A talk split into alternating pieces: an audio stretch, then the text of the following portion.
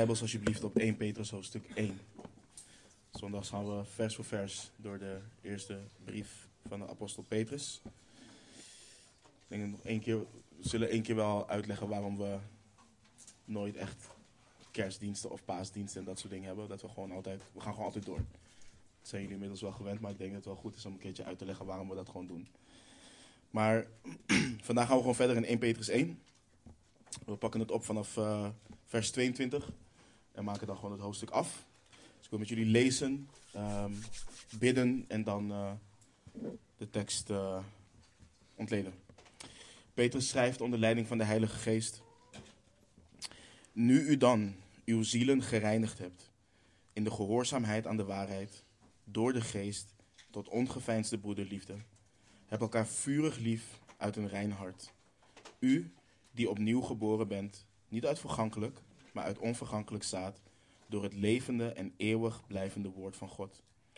Want alle vlees is als gras en al de heerlijkheid van de mens is als een bloem in het gras. Het gras is verdord en zijn bloem is afgevallen. Maar het woord van de Heere blijft tot in eeuwigheid. En dit is het woord dat onder u verkondigd is. Vader, we danken u, Vader, Heer, bij, uh, zoals we stilstaan bij de liederen die we net ook hebben gezongen. Dat onze Heer Jezus alles voor ons heeft betaald. En we danken u ook, Heer, voor de tekst die we nu zojuist hebben gelezen. We bidden en we vragen om een zegen, Heer, dat we zonder afleiding, Heer, kunnen luisteren naar uw woord. Heer, en zoals we iedere week bidden, dat we niet alleen hoorders van uw woord zijn, maar ook daders. Wilt u mij ook helpen, Heer, met mijn keel en alles, Heer, dat, uh, dat het allemaal zonder hinder kan. We danken u, we bidden u uh, en vragen u alles in Jezus' naam. Amen. In onze tekst van vanmorgen uh, geeft de apostel Petrus een, een aansporing. Hij roept ergens toe op. onder leiding van de Heilige Geest gebiedt hij ons om, om iets te doen. we zien dat de brief ook steeds praktischer wordt. Het gaat steeds meer naar wat er voort hoort te vloeien uit de genade wat ons ten deel is gevallen. En eerst hebben we natuurlijk gezien dat het vooral um, niet per se op het individu gericht was, maar dat het ging om jouw staat in en door Christus. En nu verschuift Petrus en dan gaat het eigenlijk meer naar de gemeenschap, naar ons als broeders en zusters onderling.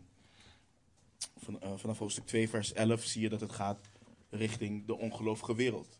Hoe, hoe hoort dat tot uiting te komen naar uh, de ongelovige wereld? Maar wat zagen we eerst in de, in de praktische aansporingen die Petrus ons gaf? Hoop volkomen op de genade die u gebracht wordt in de openbaring van Jezus Christus. Dat is, dat is een van de aansporingen die we zagen. Vervolgens zagen we op negatief gebiedende wijze, in vers 14, wordt als gehoorzame kinderen niet gelijkvormig uh, aan de begeerten die er vroeger in de tijd van uw onwetendheid waren. Dus wat we niet horen te doen, wat we niet horen te worden. En vers 15 en 16 zagen we de oproep om juist heilig te wandelen. Want de God die ons geroepen heeft, hij zelf is heilig. En in vers 17 hebben we gezien, wandel in de vrezen des Heren. En dan onze oproep van vandaag, heb elkaar vurig lief uit een rein hart. Dit is de oproep, dit is de aansporing. Dit is het gebod waar we vandaag bij stilstaan. En vorige week hebben we een begin gemaakt aan deze versen. We hebben de tekst gelezen, maar we hebben het niet ontleed en verklaard. We hebben gekeken naar wat is liefde en wat belemmert ons in het liefhebben van elkaar als broeders en zusters. En wat we vooral hebben gezien, en dit blijven we zien, is dat um, al deze dingen gebeuren in onze gedachten. Ons denken moet hernieuwd worden. We kunnen niet liefhebben, we kunnen elkaar niet liefhebben met de wereldse definitie van liefde. We kunnen niet liefhebben op een wijze wat ons een comfortabel gevoel geeft. Want we hebben vastgesteld, één, liefde handelt. Liefde handelt in het belang van de ontvanger. Het zoekt het hoogste goed van de ontvanger. We hebben gezien dat liefde uh, de gever iets kost. Het kost de gever iets om die liefde te geven. Het is een offer. Het is zelfopofferend. En we hebben ook gezien dat liefde vrij uit wordt gegeven. Het is niet dat iemand moet voldoen aan een voorwaarde om die liefde te ontvangen. Het is niet alsof het het loon is van een goed persoon. En we hebben gezien dat dit in het hart ligt van het evangelie waarin wij, waarin wij staan. Dit is de wijze waarop God ons heeft liefgehad. Hij heeft zijn enige geboren zoon gegeven, opdat wij uit genade door het geloof in Jezus Christus vrede met hem zouden hebben. Behouden zouden worden, zalig gemaakt zouden worden. En we hebben er vervolgens ook bij stilgestaan dat we niet eenzijdig naar liefde moeten kijken, want Gods liefde corrigeert ook. Uit liefde bestraft God zijn kinderen, hij gezelt ze, hij vermaant ze en brengt ze terecht. wanneer we dit voor ogen houden, dan gaan we zien dat bijbelse liefde, in tegenstelling tot wat de wereld leert, niet om ons draait, maar om God. Hij staat centraal daarin. En we moeten er dus voor waken dat we liefde niet individualiseren, zoals we dat vorige week hebben gezien, maar dat we het ook niet romantiseren. Het gaat niet om ons wereldbeeld, het gaat niet om wat wij fijn vinden, het gaat niet om wat wij voelen, het gaat om wat leert de schrift. En daarom is het essentieel, van essentieel belang, dat ik niet spreek en handel vanuit mijn referentiekader als persoon, maar dat ik mij blijf verdiepen in wat de schrift leert aangaande liefde. Opdat ik dat ook op bijbelse wijze kan toepassen. En alleen dit zeggen uh, kan al dwars tegen ons gevoel ingaan. Want wij zijn door onze maatschappij, door romans, door tijdschriften, door films, door series en de psychologie geleerd dat liefde iets is wat je vooral moet voelen. Je moet het vooral voelen. Het gaat vanzelf. Het treft je diep in je hart en daardoor moet je bewogen worden. En wanneer je dat niet voelt, dan moet je je afvragen of je wel echt lief hebt. En we pakken wel de bijbelse definitie van liefde, maar plakken onbijbelse handelingen daaraan vast. En dit plaagt de westerse kerk. En eigenlijk ook de kerk gewoon over de hele wereld. Want met liefde komen bepaalde verwachtingen. Mevrouw en ik hadden het hier laatst ook nog over. Bijvoorbeeld, als bijvoorbeeld mijn man echt van mij houdt, dan weet hij dat ik me bijvoorbeeld mateloos zou irriteren aan het feit dat hij bijvoorbeeld de wc-bril omhoog laat na het plassen. Man vergeet het. En nu is de vraag: heeft hij me wel echt lief? Als hij het vergeet. Of liefde is: ik hoef dit niet van jou te vragen. Je hoort het te weten. Want als mijn partner echt van mij houdt, dan weet mijn partner, dat is wat wij denken, op magische wijze wat ik denk, voel en vind en hoort het dus vanzelf te gaan. En dit is ook de kerk ingeslopen. En voor jullie informatie, ik laat de toiletbril nooit omhoog. Dus maak je daar niet druk om. Dat gaat niet om over ons. Maar dit is de kerk ingeslopen. Echte liefde is dit. Ik zou een broeder of zuster niet om hulp hoeven te vragen. Als broeders en zusters me echt lief hebben, dan zien ze wat er gaande is in mijn leven. Ze vragen ernaar en weten dat ik hulp nodig heb. Echte liefde is, ik hoef mezelf niet uit te nodigen. Als broeders en zusters echt fellowship willen, dan komen we bij elkaar over de vloer en nodigen we elkaar uit. Echte liefde is niet dat iemand mij confronteert met mijn zonde, maar dat ze voor me bidden. Dat ze me, help, dat ze me helpen om zelf de wil van God te onderscheiden en te ontdekken of dit wel of niet zonde is. En, en, en, en eigenlijk als we dit goed ontleden, zien we dat dit niets anders is dan hoe de wereld denkt. Dat is hoe de wereld denkt, maar wij passen het toe in de kerk. En dit is gevaarlijk, dit is schadelijk voor de kerk. Want als we vanuit onze eigen referentiekader verwachtingen hangen aan liefde, dan staat niet de verheerlijking van God en het hoogste goed van de ander centraal, maar mijn eigen verlangen. En mijn eigen gevoel staat daarin centraal. En ik hoop, broeders en zusters, dat we actief, actief bezig zijn en blijven met het, met het hernieuwen van ons denken. Door de schrift te bestuderen door het levende woord als een hamer ons vleeselijk en werelds denken laat afbreken en het vervolgens opnieuw laat opbouwen, overeenkomstig de welbehagelijke wil van God. Dat was het doel van vorige week. Vandaag, vandaag gaan we de tekst verklaren. En dat moeten we, zoals we altijd zeggen, in de context van de brief doen. Vergeet niet aan wie Petrus schrijft. Hij schrijft aan christenen die vervolgd worden, christenen die worden gelasterd, christenen die worden verdrukt om hun geloof in Jezus Christus. En dat is belangrijk voor de context uh, en daar gaan we zo ook dieper op in. Maar laten we vers 22 pakken. Petrus schrijft: Nu u dan uw zielen gereinigd hebt in de gehoorzaamheid aan de waarheid door de geest tot ongeveinsde broederliefde, heb elkaar vurig lief uit een rein hart. Wat bedoelde apostel Petrus met het feit dat zij hun zielen hebben gereinigd in de gehoorzaamheid aan de waarheid? Als je de tekst gewoon verder leest natuurlijk ook, zie je Petrus heeft het hier over onze zaligmaking door geloof in de Heer Jezus Christus. We weten dat onze zaligmaking het soevereine, God, uh, soevereine werk van God is. Dat weten we. Wij redden onszelf niet, God redt ons. Maar we weten daarbij net zo goed dat het evangelie een oproep tot gehoorzaamheid aan de waarheid bevat. Dat zit in het evangelie. En het is lastig omdat zodra je het hierover hebt, denkt men dat je in, in sommige kringen dat je de soeverein, soevereiniteit van God onmiddellijk teniet doet. En dit is weer ons Grieks denken. Het is of-of. Of God redt jou volledig, hij alleen doet het. En wanneer je erbij verkondigt dat je wel opgeroepen wordt om gehoor te geven aan de oproep tot geloof en bekering, dan staat het in vele kringen of in sommige kringen gelijk van ja, maar beweer je nu dat je jezelf kunt redden. Dat je samenwerkt met God aan jouw zaligmaking. Nee, dat is niet wat we leren. Dat is ook niet wat de schrift leert. Maar dat is ook niet waar het gelijk aan staat. Wat we wel moeten beseffen is dit. God roept op in het evangelie tot geloof in zijn zoon. Er wordt opgeroepen daartoe.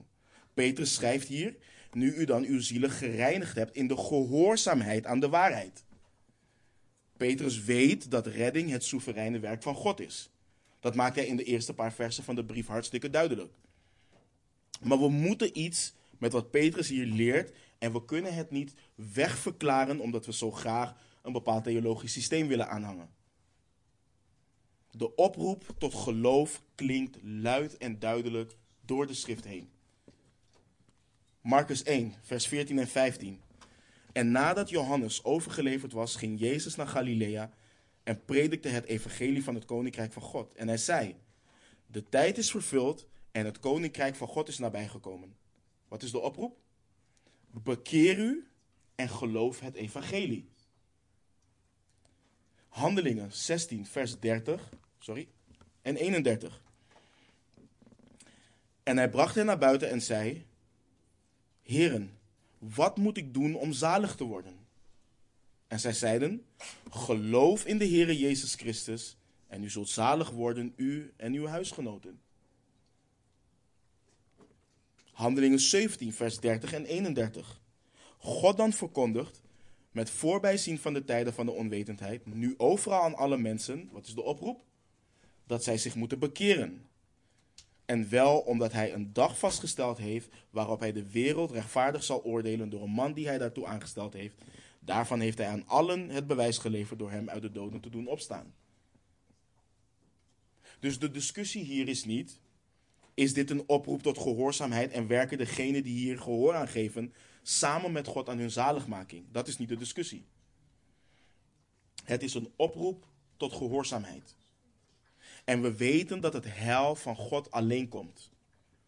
De discussie is, wie zullen dit gehoorzamen en hoe kun je hier gehoor aan geven? Dat is een, dat is een studie voor een andere keer.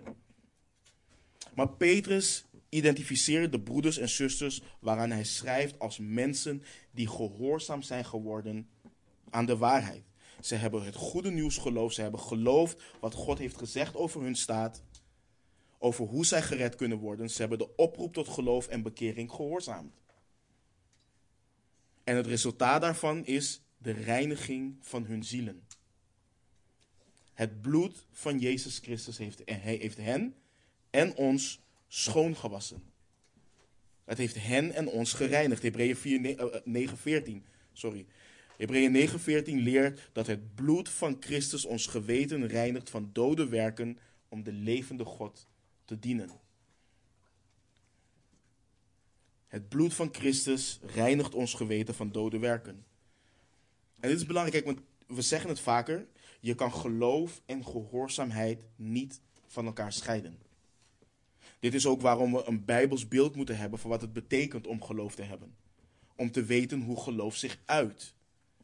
En te vaak wordt geloof verward met een, een, emotionele reactie van iemand die als het ware verliefd is geworden op de Heere Jezus en zijn evangelie. Ze, ze ervaren een enorm warm gevoel. Ze zweven als het ware op een roze wolk. Ze zijn ooit naar voren gelopen tijdens een dienst of een conferentie en hebben een gebed nagebeden en gevraagd of Jezus in hun hart wilde komen. En het enige wat ze nu hebben toegevoegd aan hun leven is dat ze op zondag naar de dienst gaan. Maar men moet beseffen dat God mensen niet, dat God mensen niet roept tot een emotionele reactie. Hij roept hen tot gehoorzaamheid. Let op wat de apostel Paulus schrijft in Romeinen 6, vers 25 en 26.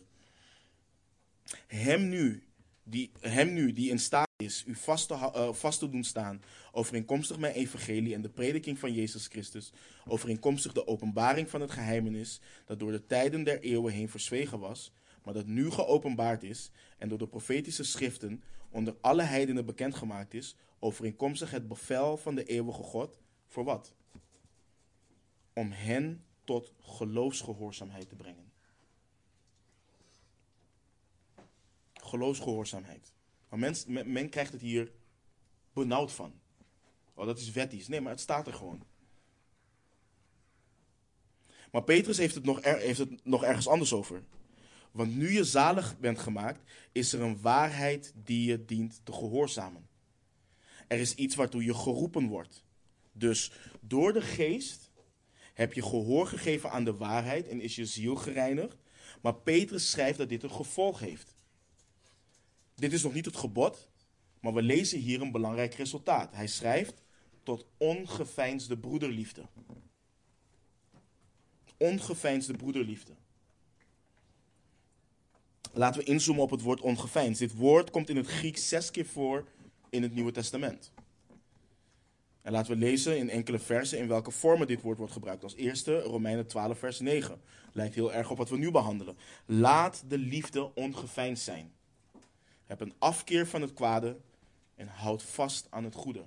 Dat is het mooie van de schrift. De schrift hier definieert zelf wat het is. Ongeveinsde liefde, schrijft Paulus hier, is een afkeer hebben van het kwade en vasthouden aan het goede. Dit heeft niets met manieren of voorkeuren te maken. Al het kwade, daar moet je een afkeer van hebben. Het goede, daar moet je aan vasthouden samen. Paulus schrijft aan de Corinthiërs, 2 Korinthe 6, vers 3 tot en met 6. Wij geven in geen enkel opzicht enige aanstoot, opdat de bediening niet gelasterd wordt, maar in alles bewijzen wij onszelf als dienaars van God in veel volharding, in verdrukkingen, in noden, in benauwdheden, in slagen, in gevangenissen, in oproer, in ingespannen arbeid, in nachten zonder slaap, in vasten, in reinheid, in kennis, in geduld, in vriendelijkheid, in de Heilige Geest, in ongeveinsde liefde. Oh, is mijn geluid weg? Oh. Oh ja. Nou. Oh ja. Heeft iemand nieuwe batterijen?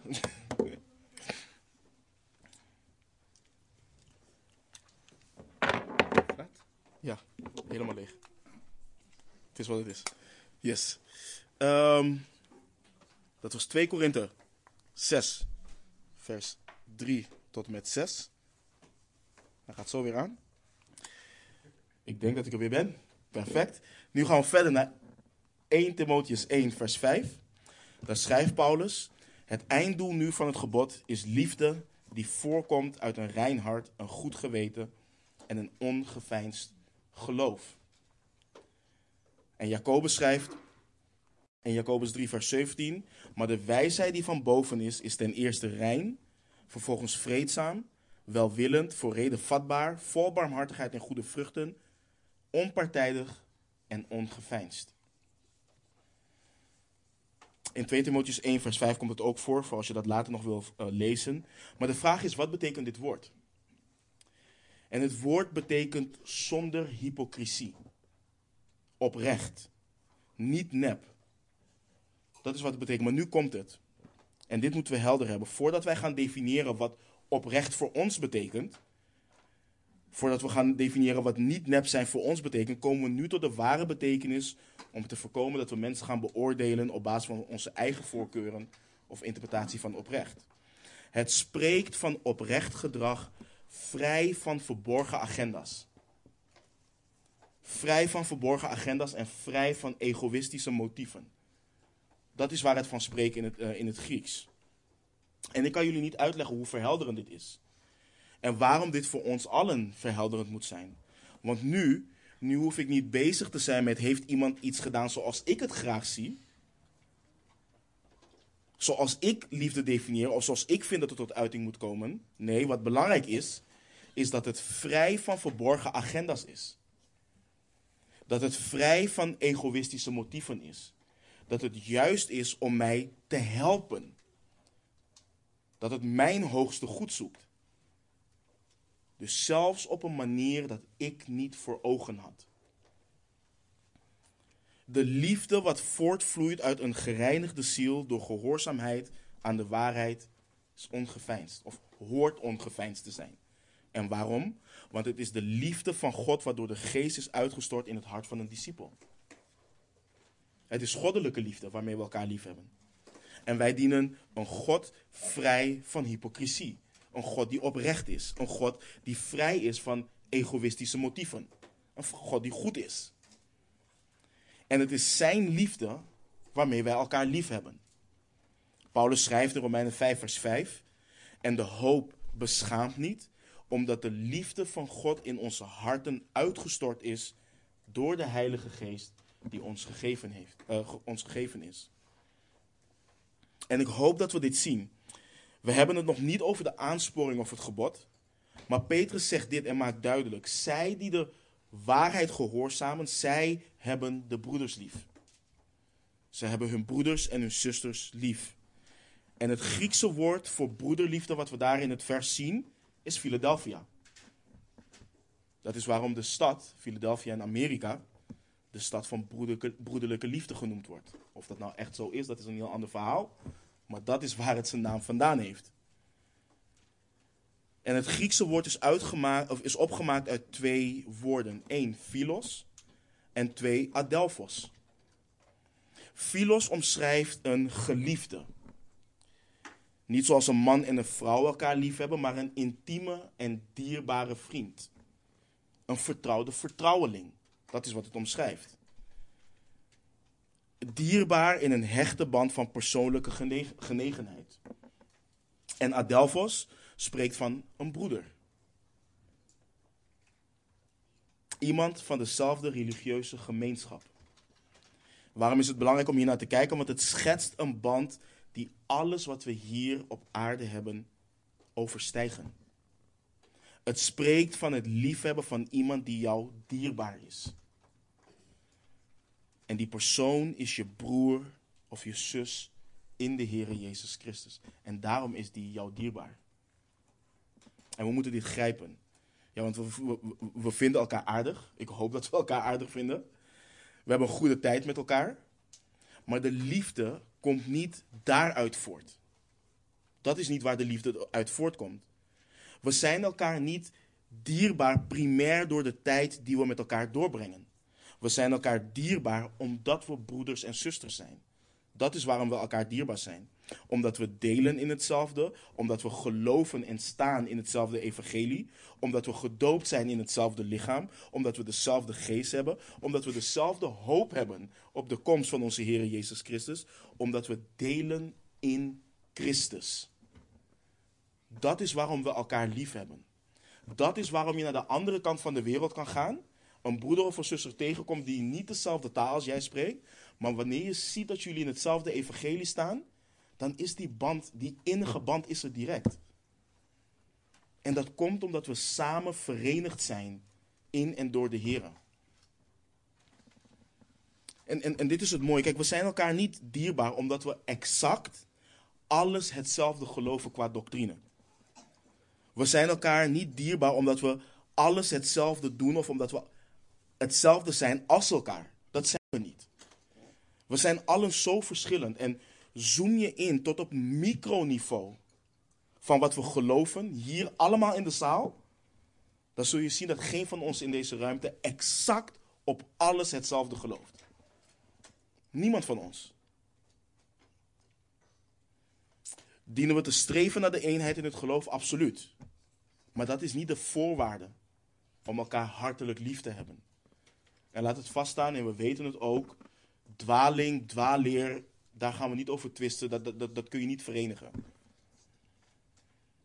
Maar dat is wel waarom je bijvoorbeeld, ik, ik zie dat ook zelf, we hebben het ook zelf gezien, meegemaakt. Je kunt hartelijk fellowship hebben met broeders die bijvoorbeeld geloven in de kinderdoop. Het kan. Geloof ik het? Nee. Kan ik het Bijbels onderbouwen? Absoluut. Maar dat hoeft niet in de weg te staan van onze fellowship. Tenzij je gaat geloven dat kinderen die gedoopt worden, gered worden. Want dan zit je aan het evangelie. Dus dat, dat, dat zijn de dingen waar je naar kijkt. Maar om dit verder te ontleden, gaan we kijken naar wat er staat in vers 22 en 23. Nog een keer, Petrus schrijft: Nu u dan uw zielen gereinigd hebt in de gehoorzaamheid aan de waarheid, door de geest, tot ongeveinsde broederliefde, heb elkaar vurig lief uit een rein hart. U die opnieuw geboren bent, niet uit vergankelijk, maar uit onvergankelijk zaad, door het levende en eeuwig blijvende woord van God. Dus over wie heeft Petrus het? Over hen met gereinigde zielen, over hen die opnieuw geboren zijn. Hij heeft het over wedergeboren discipelen. Ik had het laatst met Delano hierover. In, in, in de kerk hebben we allerlei manieren bedacht waarop we bepalen of iemand wel of niet wedergeboren is. Hij of zij heeft geen diepe besef van zonde zoals wij dat hebben. Hij of zij leest niet iedere morgen de schrift bij het opstaan. Hij of zij is niet iedere week bij de samenkomst. Hij of zij heeft niet hetzelfde geloof wat betreft eindtijd zoals ik heb bijvoorbeeld. Hij of zij gelooft X, Y, Z over de doop. Allerlei zaken. Allerlei praktische en uiterlijke zaken die we niet dienen te verzaken als discipelen. En waarvan, we daadwerk en waarvan het daadwerkelijk impact heeft op hoe we wandelen. Maar, dit is niet hetgeen waar, maar het volgende is niet hetgeen waar we over we praten. Waaraan we toetsen, is iemand wedergeboren ja of nee? Het gebrek aan liefde voor broeders en zusters. Daar praten we niet over. Dan zeggen we dingen als, hij of zij heeft veel meegemaakt, jij of zij heeft nooit liefde gekend. Dan hebben we allerlei excuses waarom iemand niet kan liefhebben. En willen we nog wel blijven vasthouden aan het feit, die persoon is wedergeboren. Maar laten we gewoon kijken naar wat Johannes schrijft. 1 Johannes 3, vers 10.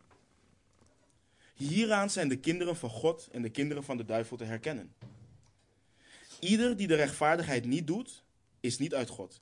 Evenmin als hij die zijn broeder niet lief heeft.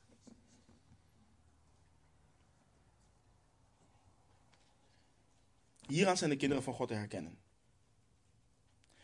Hij gaat verder in vers 14 van hetzelfde hoofdstuk, 1 Johannes 3, vers 14. Wij weten dat wij zijn overgegaan uit de dood in het leven. Hoe? Omdat wij de broeders lief hebben. Wie zijn broeder niet lief heeft, blijft in de dood. Het volgende vers, 1 Johannes 3, vers 15. Ieder die zijn broeder haat, is een moordenaar. En u weet dat geen moordenaar het eeuwige leven blijvend in zich heeft. Dit is heel wat anders. En dit is het onfeilbare, toereikende, gezaghebbende woord van God. Dit is waar we het over met elkaar moeten hebben. Johannes is heel duidelijk. Kinderen van de duivel zijn zij die hun broeders en zusters niet lief hebben. Zij die nog in de dood zijn, zijn zij die hun broeders en zusters niet lief hebben. Zij die het eeuwig leven niet in zich hebben, zijn zij die hun broeders en zusters niet lief hebben, die hen haten. Dit is wat de schrift leert. En de laatste tijd horen jullie me vaker dat contrast schetsen en spreken over het lezen van de schrift, bidden, etc. En ik doe dit niet als oproep tot verslapping, dat weten jullie. Ik doe dat ook niet omdat die andere dingen minder belangrijk zijn. Ze zijn van extreem belang voor de heiliging en opbouw van een discipel. Maar broeders en zusters, Johannes geeft onder leiding van Gods geest heel duidelijk aan wat het onderscheid is tussen hen die wedergeboren zijn en iemand die slechts beleidt een christen te zijn.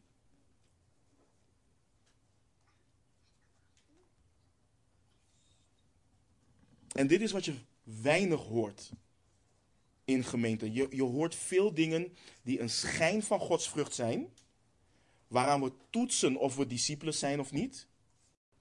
Maar liefde, elkaar liefhebben als broeders en zusters, daar praten we heel weinig over. Dit is essentiële en fundamentele doctrine wat we hier zien. Dit gaat over leven en dood. Dit laat het verschil zien tussen leven en dood. Elkaar liefhebben. Dat is waar Petrus ons toe oproept. En elkaar liefhebben is een actieve en bewuste keuze in de wil van een wedergeboren discipel. En ik weet dat we het graag geestelijk willen maken door het idee te creëren dat er iets warm, warms in ons hart heeft plaatsgevonden, waardoor we nu in staat zijn om elkaar als broeders en zusters lief te hebben. Begrijp me niet verkeerd. Broederliefde is niet zonder affectie, maar het wordt niet primair gedreven door affectie. Het wordt primair gedreven door de waarheid van God waarin we staan. Dat is waardoor het gedreven wordt. En dat moeten we begrijpen, want dat helpt ons om de gedachte te bestrijden en verwerpen dat we hen in Christus alleen kunnen liefhebben wanneer ze voldoen aan bepaalde wensen, eisen en kenmerken. Of wanneer zij zich op een geestelijk gezien op een bepaald niveau bevinden. Ik vind het, ik vind het soms zo bijzonder dat en ik heb dit in gemeentes gezien. Ik dank de Heer dat ik het hier niet heb gezien. Dus laat me dat voorop stellen. Maar dat wanneer broeders en zusters jong zijn in hun geloof, dat mensen ze met een bogen uit de weg gaan, omdat ze zeggen dingen die theologisch nog niet helemaal kloppen, die ze helemaal niet weten en al dat soort dingen. Dan gaan ze opeens twijfelen aan hun redding. Zijn ze wel gered, ja of nee? En we vergeten dat wij zelf ooit baby's waren. Wij waren zelf ooit baby's in het geloof. Wij wisten ook niet alles toen we net tot geloof kwamen. En dan zie je dat het niet gaat om de eisen en wensen die wij hebben wat betreft iemands geestelijke staat. Het gaat om wat leert de schrift. Hebben we elkaar werkelijk lief? En als iemand jong is, hebben we dan de liefde en het geduld om die persoon te discipelen, opdat hij volwassen kan worden? Of laten we die aan zichzelf over en zeggen we, nou, wanneer je klaar bent, dan, dan mag je erbij horen.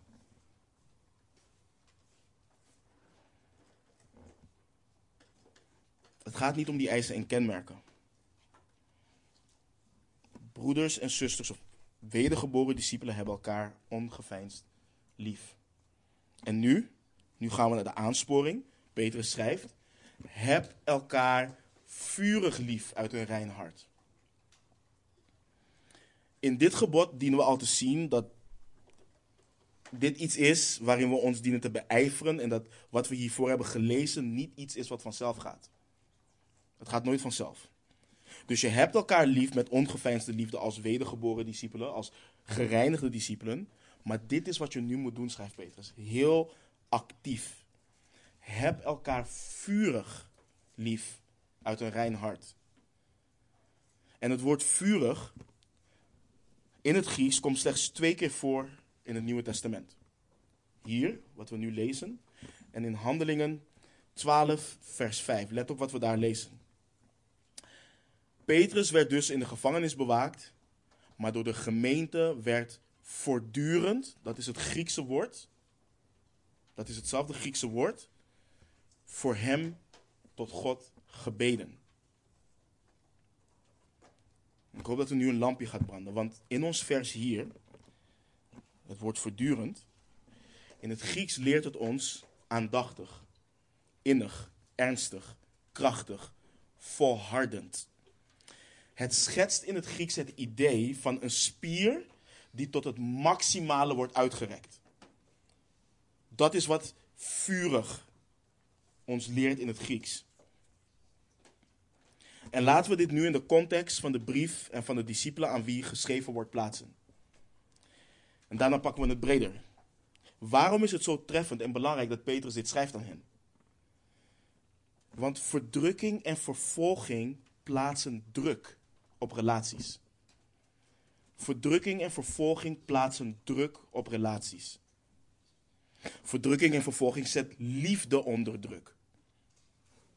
Verdrukking en vervolging kan beïnvloeden hoe je naar zaken kijkt en hoe je acties en handelingen van anderen interpreteert. Verdrukking en vervolging heeft de neiging om ons naar binnen te doen keren. We gaan handelen vanuit onszelf, vanuit ons gevoel. Vanuit ons verdriet, vanuit onze zorgen, onze pijn, verwarring, onzekerheden en vragen. En het zorgt ervoor dat we minder verdraagzaam zijn richting hen die anders dan ons handelen, die ons niet begrijpen. Voorbeeld. Het is leuk om, waarom het interessant is om, om kerkgeschiedenis bijvoorbeeld te bestuderen. Ehm, ik denk tussen zo'n 100, kijk Ser even aan als zij um, weet wanneer het is, en Delano ook. Volgens mij tussen 100, laten we zeggen tussen 100 en 200 na Christus. Werden christenen uh, actief vervolgd. In een, uh, ik weet nu even niet meer welke stad het was, maar ze werden actief vervolgd. Het ding wat gebeurde is dat christenen, ze mochten Christus beleiden, ze mochten hun geloof beleiden. Maar ze moesten ook offeren aan het beeld van de keizer. Als ze zouden offeren, dan zouden ze wat ze in die tijd noemden een certificaat krijgen. Met dat certificaat kon je kopen, eten, drinken en anders niet. Lijkt bijna op wat we kennen uit openbaring, maar dat, dat is het niet, dat vooropgesteld. Um, maar dat gebeurde er. En nu had je dit. Als je weigerde te offeren, dan werd je gedood. Of dan stierf je van de honger. Nu had je drie kampen in de gemeente. De ene zegt: Ik weiger te offeren, want ik weiger aan afgoden te offeren. Ik zal sterven voor Christus. De ander zei: gebaseerd op de Bijbel, zoals Paulus zei. Een afgod is niets. Dus ik offer gewoon. En dat je de derde kwam die twijfelde van oké, wij vervalsen die certificaten zelf wel. Hoe ga je hier in de kerk mee om? Hoe ga je hier nu in de kerk mee om? Dat is een goede vraag voor ons allemaal. Want dan had je één gezin waarvan, het, waarvan de man had gezegd: Ik weiger te offeren, ik sterf. De beste broeder is gestorven voor zijn geloof in Christus. Zijn vrouw komt als weduwe naar de samenkomst. En een ander gezin, die heeft het certificaat vervalst. Of de ander heeft gezegd, ik heb geofferd, want een afgod is niets. Wat denk je dat dat binnen de gemeente doet? Wat doet dat met de onderlinge liefde? Mijn man is gestorven. Jij hebt gewoon geofferd. En jij hebt het gewoon vervalst. Hoe ga je hiermee om? En dat is wat we bedoelen, dat is wat de schrift bedoelt met vurig liefhebben. Want verdrukking en vervolging plaatst druk op relaties. Het plaatst druk. En ga je dan nu, zoals die spier uitgerekt wordt, bijvoorbeeld die weduwe, weg van je eigen referentiekader en misschien luisteren, nou ja, Paulus zegt inderdaad, afgoden zijn niets. Maar Johannes zegt aan het einde van zijn brief, broeders, wees op uw hoede voor de afgoden. Wat doe je dan? Gaat jouw verdriet lijden en komt dan een scheuring in de gemeente? Of ben je bereid om te zeggen: dat is hoe die broeder en mij en, zuster ermee zijn omgegaan. En ik kies ervoor om vurig lief te hebben met al mijn pijn, met al mijn verdriet, met al mijn onbegrip. Dat zijn de dingen waar onze broeders en zusters in de eerste en tweede eeuw mee te maken hadden.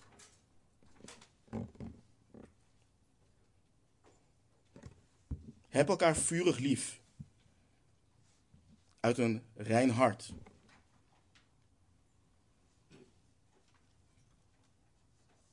Wat als je door moeilijkheden heen gaat en je vraagt een broeder of zuster om hulp? De broeder of zuster zegt, ik weet echt niet hoe ik je praktisch moet helpen. Maar ik bid voor je. In het begin kan je dat waarderen. Maar naarmate de druk toeneemt en die vurige oven van verdrukking en moeilijkheden waarin je zit, wordt alleen maar heter, dan komt er een gevoel van onbehagen. Ik heb hulp nodig. Ik wil nu hulp. Wat ga je doen dan?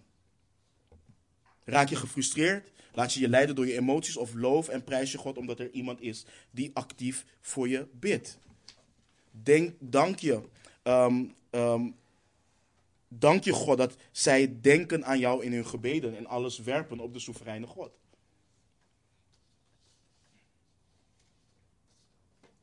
Hoe vaak zie je dit? We gaan door moeilijkheden heen en je wordt door broeders of zusters gewezen op het volharden in geloof. Je in gemeenschap bevinden met God, in zijn woord, in gebed. Raak je gefrustreerd omdat niemand je begrijpt? Word je boos omdat men niet zegt wat je wilt horen? Of dank je God, want je hebt hen om je heen die je wijzen op hem die jou draagt in en door alles heen.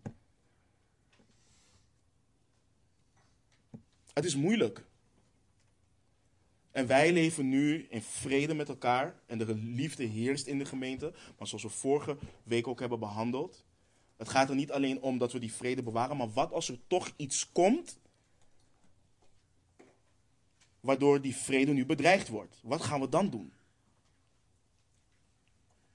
En dat kan ook andersom, hè? Wat als een broeder of zuster, een zuster niet de keuzes maakt die ze dienen te maken? Wat doe je dan? Je wijst een broeder of een zuster ergens op, maar ze maken toch niet de keuzes die ze moeten maken. Blijf je liefhebben of raak jij nu gefrustreerd? Petrus roept op: heb elkaar vurig lief. Heb elkaar aandachtig, innig, ernstig, krachtig, volhardend lief.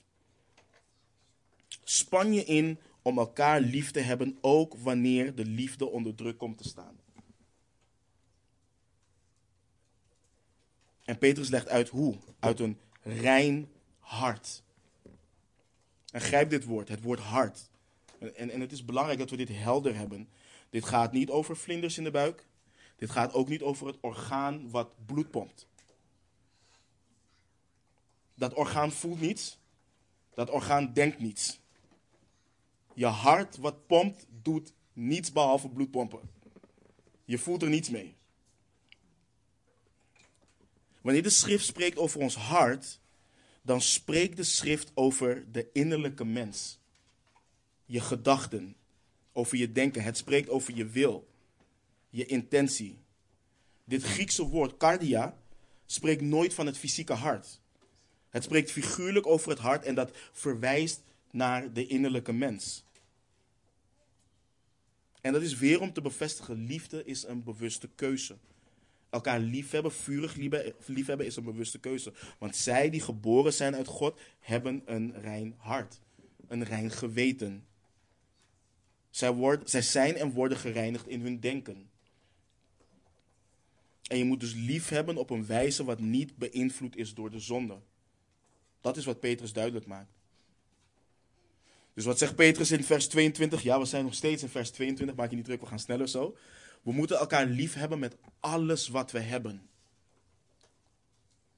We moeten er volledig voor gaan, ons bewust hiertoe inzetten. We moeten er hard voor werken, tot het uiterste gaan met intense inspanning. En waarom schrijft Petrus aan wie?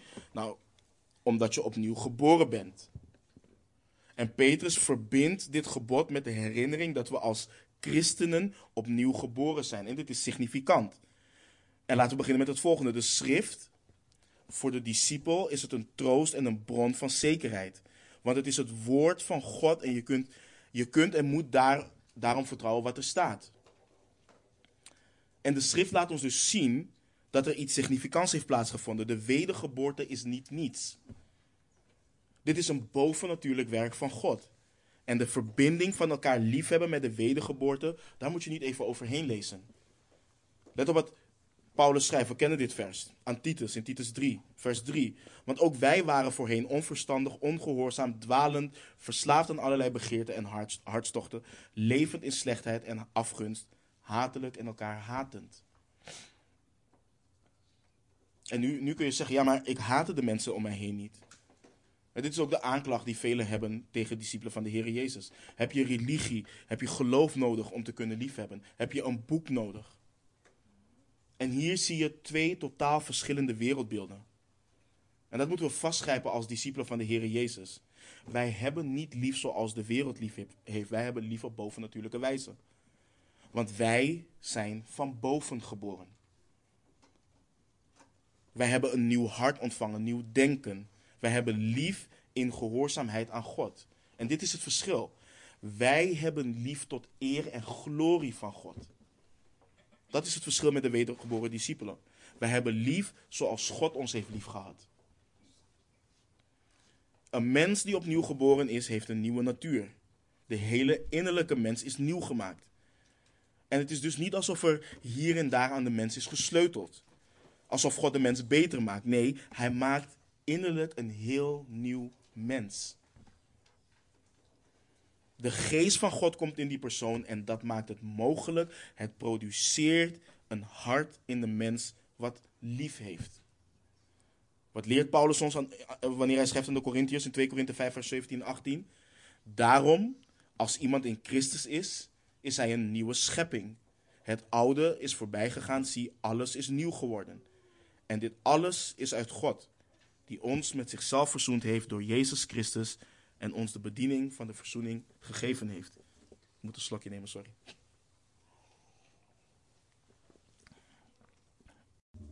Dit is waarom mensen opnieuw geboren moeten worden. Dit is een groot contrast in wat natuurlijk en bovennatuurlijk is. Een groot contrast in wat vleeselijk en geestelijk is. Wat aards is en wat van boven is. Wat hemels is. Mensen kunnen niet liefhebben overeenkomstig de wil van God met vijf stappen tot dit en dat. Dat kan niet. Mensen kunnen niet liefhebben overeenkomstig de wil van God met christelijke zelfhulpmethoden. Mensen moeten opnieuw geboren worden. Dit is wat de Heer Jezus Christus zei tegen Nicodemus. En we weten dat het in de context gaat over het binnengaan van het koninkrijk wanneer hij daar spreekt. Maar hetzelfde hier is waar. Men is niet in staat om lief te hebben als men niet geboren wordt uit water en geest. Een mens moet opnieuw geboren worden. Zij die naar het vlees zijn, bedenken de dingen van het vlees. En zij die in het vlees zijn, kunnen God niet behagen. Dus een mens moet opnieuw geboren worden. Maar de vraag is hoe. En je ziet dat Petrus het heeft over zaad in het vers. We weten, de natuurlijke mens komt voort uit zaad. Maar het verschil hier is dat wat dit zaad produceert uiteindelijk sterft. Ieder mens sterft. En dat maakt wat dit zaad voortbrengt vergankelijk. En als je dat woord vergankelijk in het Grieks bekijkt, dan spreekt het van iets wat makkelijk vergaat. Iets wat uiteenvalt.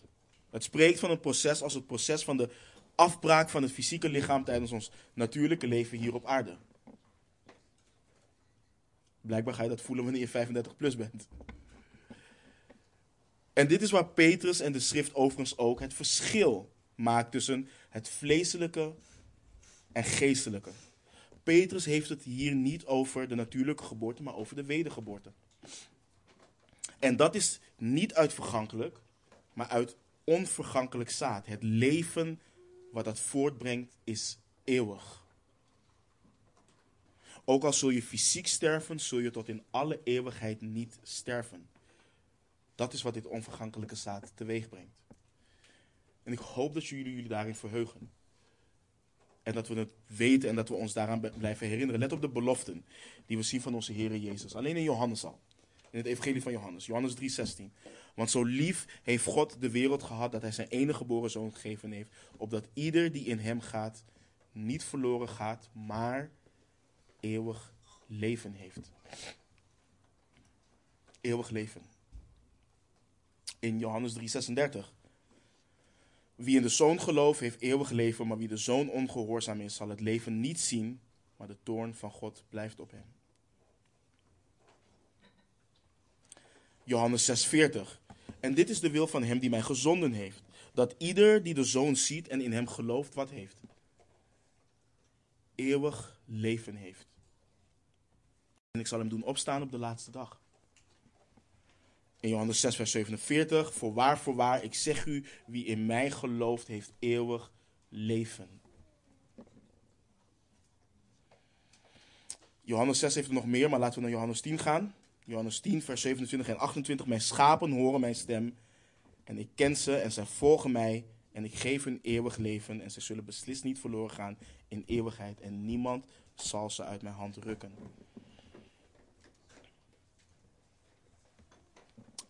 Petrus leert de discipelen, te midden van alle moeilijkheden die ze hebben, wat hun plicht jegens elkaar is en waarom het hun plicht is. Waarom ze niets anders kunnen doen dan liefhebben. Je bent opnieuw geboren. Je bent opnieuw geboren.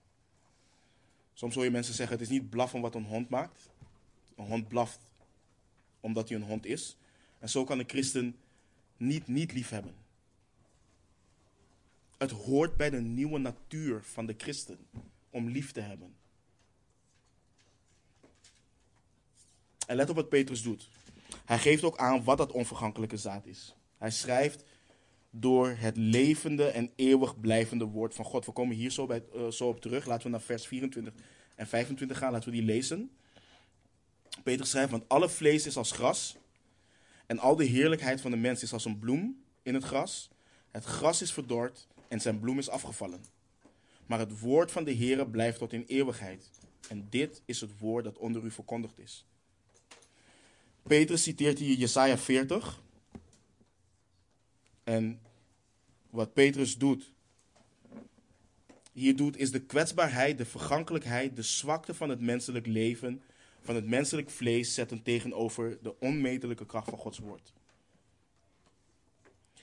Hoe prachtig het leven hier ook op aarde is, wat je er ook maar uithaalt en menselijk gezien kun je er veel uithalen, het vergaat. Het vergaat. Gras verdort, een bloem, hoe prachtig ook, het sterft. Jullie weten, ik ben geen man met groene vingers, ik ben niet van de natuur. Ik krijg steeds groenere vingers door onze broeder Joris, maar ik was onder de indruk van hoe prachtig bijvoorbeeld pioenrozen, hoe ze bloeien. Zijn prachtige bloemen, ik vind ze echt prachtig. Maar ze bloeien ook heel kort. Heel kort. En iedere dag zie je hoe die bladeren afvallen. En op een gegeven moment is het klaar. Op een gegeven moment is het gewoon helemaal leeg weer. En ook zo is het met het leven. Zo is het met ons leven. We kunnen en we mogen niet ontkennen, ook als discipelen van de Heer Jezus. Het is niet werelds, het is niet aards. Het leven wat God ons hier geeft op aarde, het is mooi. Het kan prachtig zijn. Maar wat leert prediker ons? Hij leert ons in prediker 1 vers 2. Een en al vluchtigheid, zegt prediker. Een en al vluchtigheid. Alles is vluchtig. Het leven is vluchtig.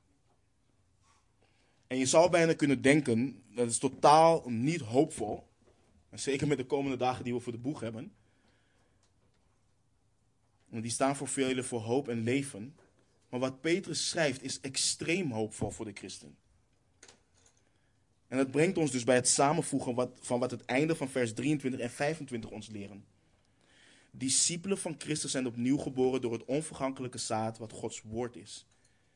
En ook al is dit leven vluchtig hier op aarde, door dat onvergankelijke zaad hebben we eeuwig leven gekregen. Leven wat nooit vergaat. Nooit. En uiteindelijk kun je dit toepassen op het hele woord van God, maar Petrus heeft het hier specifiek over het evangelie. Hij heeft het over het woord dat onder hen verkondigd is. En ik wil jullie herinneren, broeders en zusters, er is niets anders wat in staat is om leven te geven aan een mens die dood is dan het glorieuze evangelie van onze Heer Jezus Christus.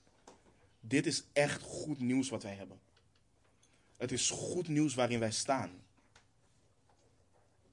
Dat is wat het eeuwig leven voortbrengt. Dat is wat een persoon dient te geloven. Waar het woord, en dit is zo prachtig, waar het woord van God is uitgegaan.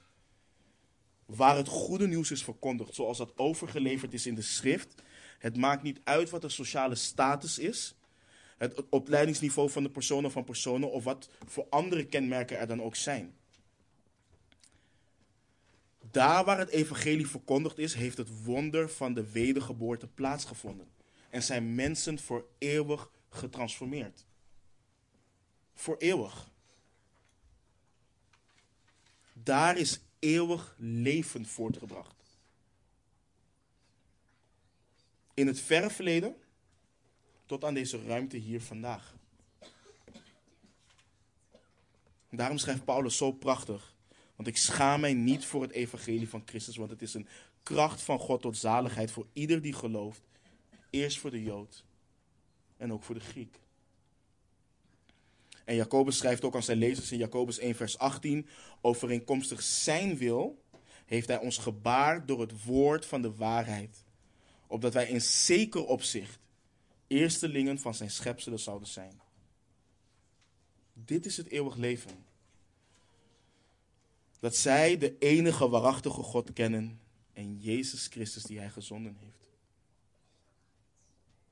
Dit is, wat wij, dit is waarin wij staan. De enige manier waarop mensen God kunnen kennen is door de openbaring die hij over zichzelf gegeven heeft. Mensen kunnen speculeren over hoe God is. Maar het is alleen door openbaring, niet door speculatie, dat we God echt kunnen leren kennen.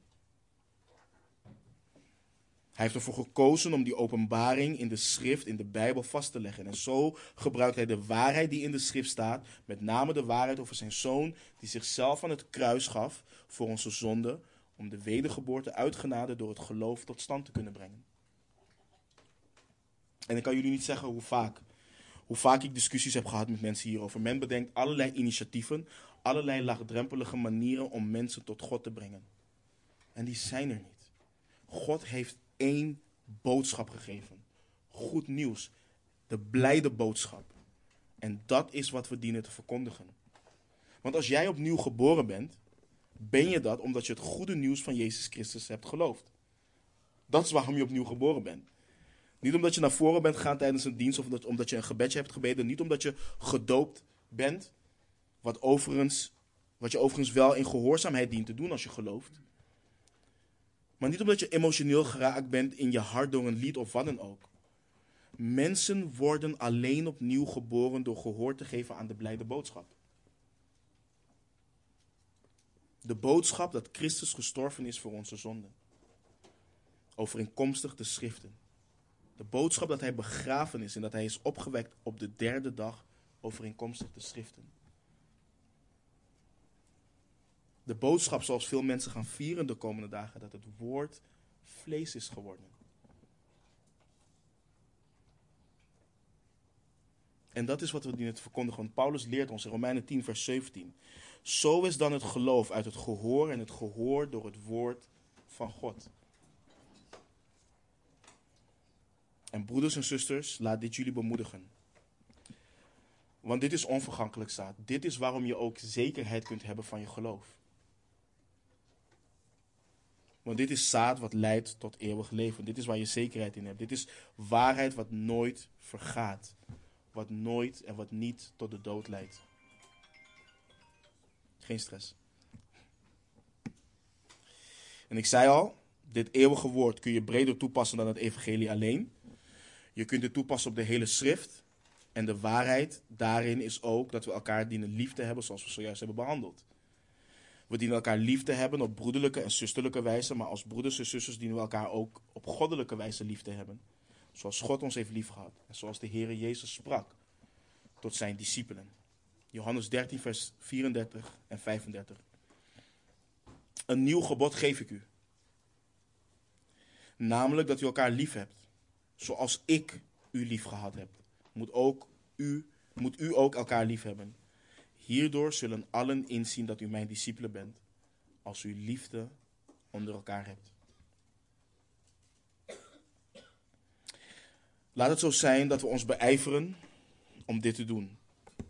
Jullie weten dit en ik blijf het benadrukken. Ik ben niet naïef. Ik dank de Heer voor de vrede die er heerst in deze gemeente. Voor de liefde die er heerst in de gemeente. Maar nogmaals, ik ben niet naïef, we moeten niet naïef zijn. Mijn verlangen is niet dat we alleen luisteren en amen zeggen op ja klopt, helemaal in overeenstemming met Gods woord. Maar laten we ook daders zijn van Gods woord. Laten we niet hoger denken van onszelf. We struikelen. We vallen met z'n allen. We zondigen tegen elkaar. We zullen elkaar teleurstellen. Maar wat doen we dan? Gaan we dan tot het uiterste om elkaar lief te hebben? Zijn we bereid om onszelf te verloochenen en waarlijk gehoor te geven aan wat de Heere God hier zegt? Waartoe Hij ons opdraagt. Wijzen we in en uit liefde elkaar terecht wanneer de een niet in de wil van God wandelt en nemen we het ook aan? Zijn we bereid om in liefde verder te kijken naar manieren en voorkeuren en, en genadig zijn? En zetten we ons in en zetten we ons toe om de band van de vrede te bewaren.